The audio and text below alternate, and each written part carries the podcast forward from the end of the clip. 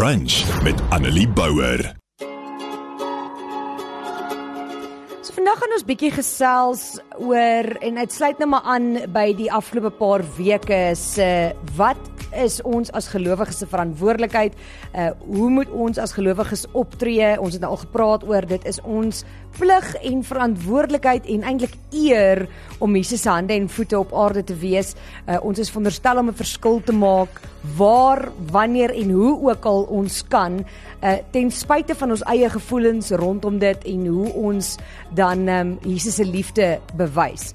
En vandag gaan ons dan nou 'n bietjie verder met dit en ons gaan praat uh, spesifiek oor vyande of mense wat jou sleg behandel en ons gaan kyk na Romeine 12 vers 20 tot 21 wat sê as jou vyand honger is, gee hom iets om te eet. As hy dors is, gee hom iets om te drink, want deur dit te doen maak jy hom vuurrooi van skaamte. Moet jou nie deur die kwaad laat oorwin nie, maar oorwin die kwaad deur die goeie. Nou dis makliker gesê as gedaan, soos meeste dinge. as jy as jy 'n volgeling van Jesus en van God is, uh, dit is nie maklik om in sy voetspore te loop nie. Dit is nie maklik om jou vyande te help wanneer hulle presies die teenoorgestelde sou doen nie. Uh julle moet julle vyande lief hê en julle moet bid vir die wat vir julle vervolg, sê Jesus self in sy eie woorde in Matteus 44 tot 48. En Wat beteken dit? Ons sê dit so maklik, maar doen ons dit regtig?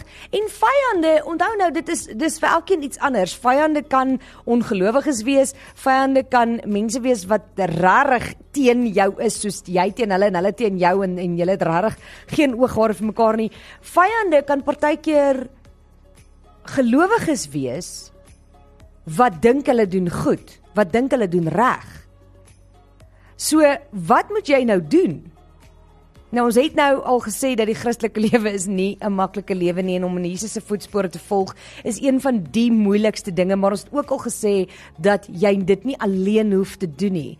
Dat jy 'n gemeenskap van gelowiges het waarmee jy jouself moet omring wat saam met jou die pad stap en dat God en Jesus Christus en die Heilige Gees altyd hierdie pad saam met jou stap. So die die die moeilike deel is om nie toe te laat dat jou eie emosies, jou eie seer kry en jou eie uh, arrogansie bo die Heilige Gees se stem uitdrys nie. Sodat jy die ander wang kan draai, sodat jy jou vyande kan help al wil jy nie en sodat jy hulle kan lief hê en vir hulle kan bid wat een van die moeilikste dinge is. My oom het altyd gespot en gesê, uh, ek is baie lief vir jou, maar dit beteken nie ek hoef van jou te hou nie. so, dis so, dis basies wat dit is. Jy hoef nie saam te stem met wat die mense doen nie. Jy hoef nie saam te stem met hulle optrede nie.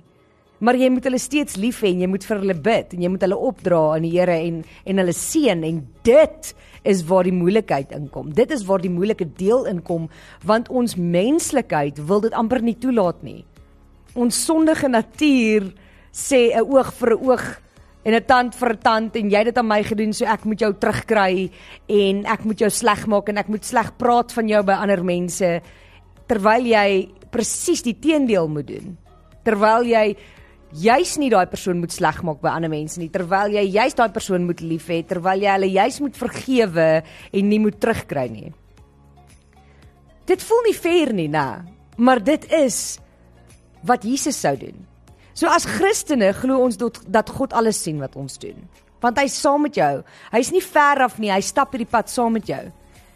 Nou wanneer iemand regtig iets baie erg of haatlik of net sleg teenoor jou doen en iets doen of daarop uit is om jou seer te maak, gaan dit nie ongesiens verby nie. God sien dit.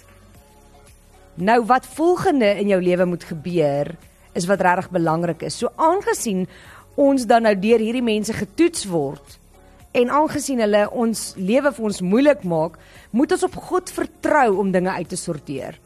Of moet jy nou die reg in eie hande neem? Nee. Jy moet nooit die reg in eie hande neem nie.